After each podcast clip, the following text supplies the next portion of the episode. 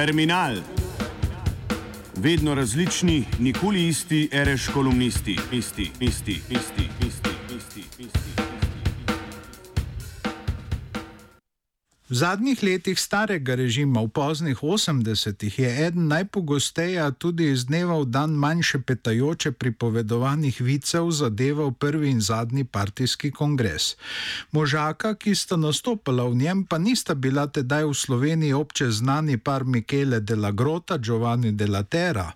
V prevodu imen in priimkov iz italijanščine v hrvaščino oziroma slovenščino sta se razkrila kot dva tedej vplivna oblastnika temveč človeka brez posebnosti. Prvega je zanimalo, kakšna je razlika med omenjenima kongresoma.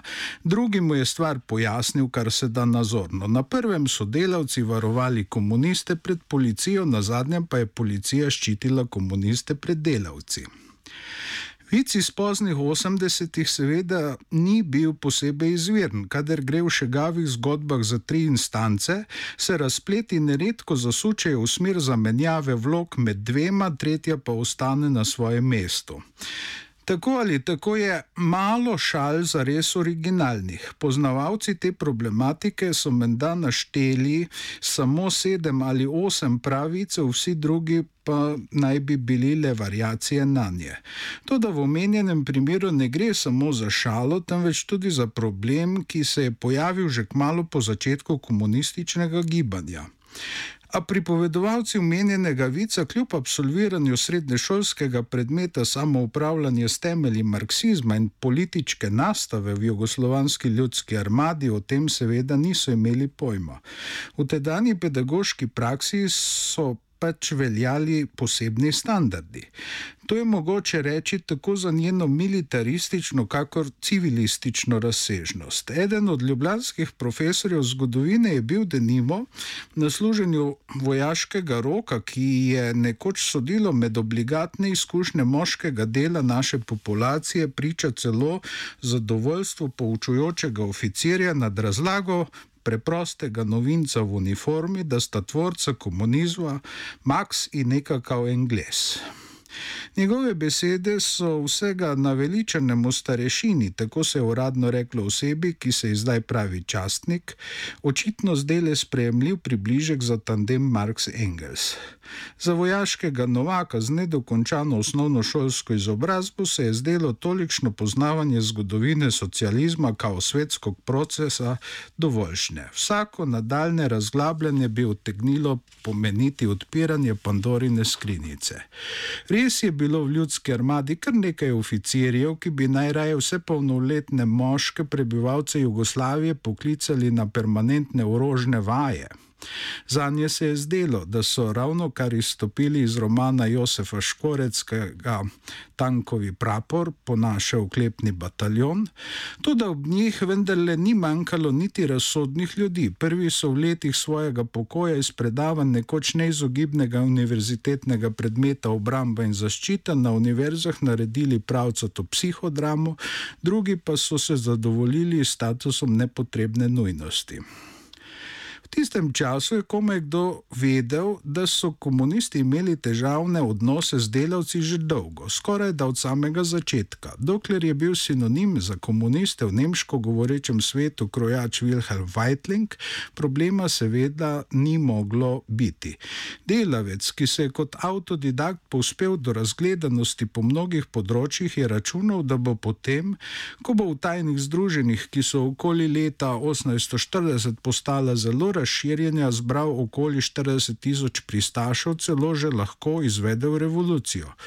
Njegovi spisi, človeštvo, kakršno je in kakršno naj bi bilo 1838. 39, jamstva soglasja in svobode 1842 in evangelij ubogega grešnika 1845 so bili zelo brani in so vzbudili veliko pozornost. Avtor je bil zaradi podvigov svojega peresa v Švici celo poslan za rešetke in to kar za 348 dni.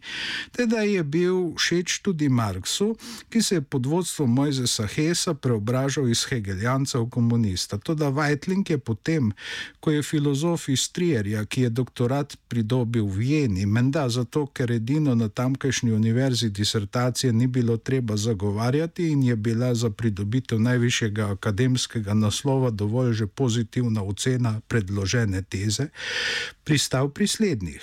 Zan prenehal biti sijan predmet, primer nadarnjenega delavca. Marks je namreč na vsak način poskušal postati vodnik gibanja, ki se mu je pridružil. Po drugi strani Weitling, ki je teorijo vedno povezoval s prakso, ni bil impresioniran nad meglo hegeljanskega slovarja, v katerem se je izražal novopečeni komunist in nad njegovim pomankanjem stika s proletarci. Hesu je sporočil, da je Marks kvečemu dober enciklopedist, nikakor pa ni genij. Ironično ga je označil celo za Jupitra.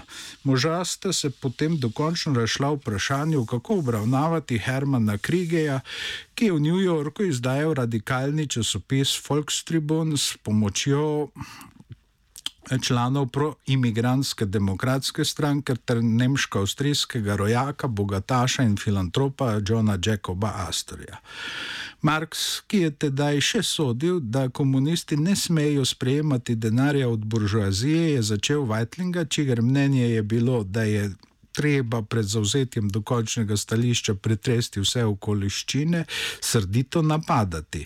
Ni mu bil všeč niti njegov prakticistični pristop k revoluciji, ki se ni ugibal humanitarizma in iskanja navdiha v veri. Paradoks je, da je pozneje sam Marx sprejemal denar buržoaznega in ob zadolževanju pri Ferdinandu Lasalo brščas celo aristokratskega izvora, njegovo najznamenitejše delo, komunistični manifest, pa je bil nadgradnja Engelsovega osnutka, ki je bil strukturiran kot katekizem.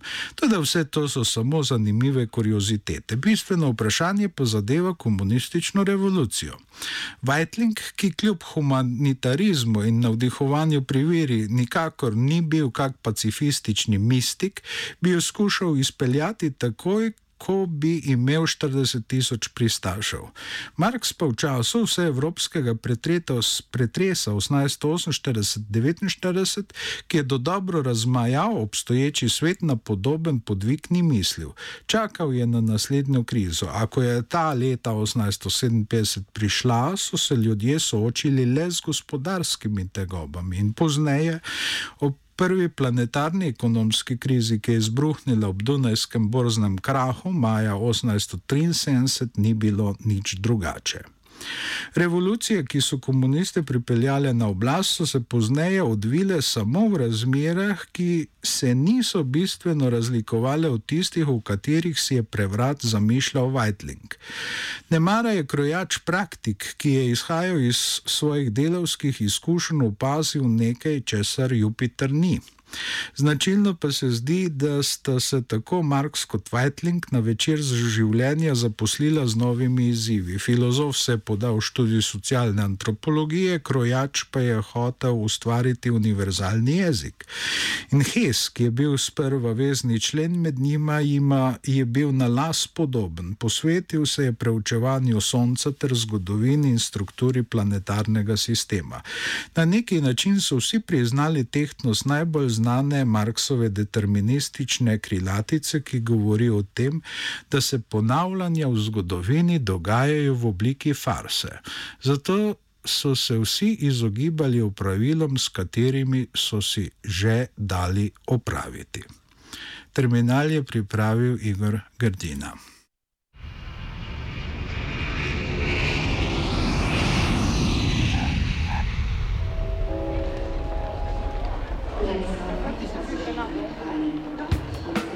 Terminal. Vedno različni, nikoli isti, reš kolumnisti, isti, isti, isti, isti.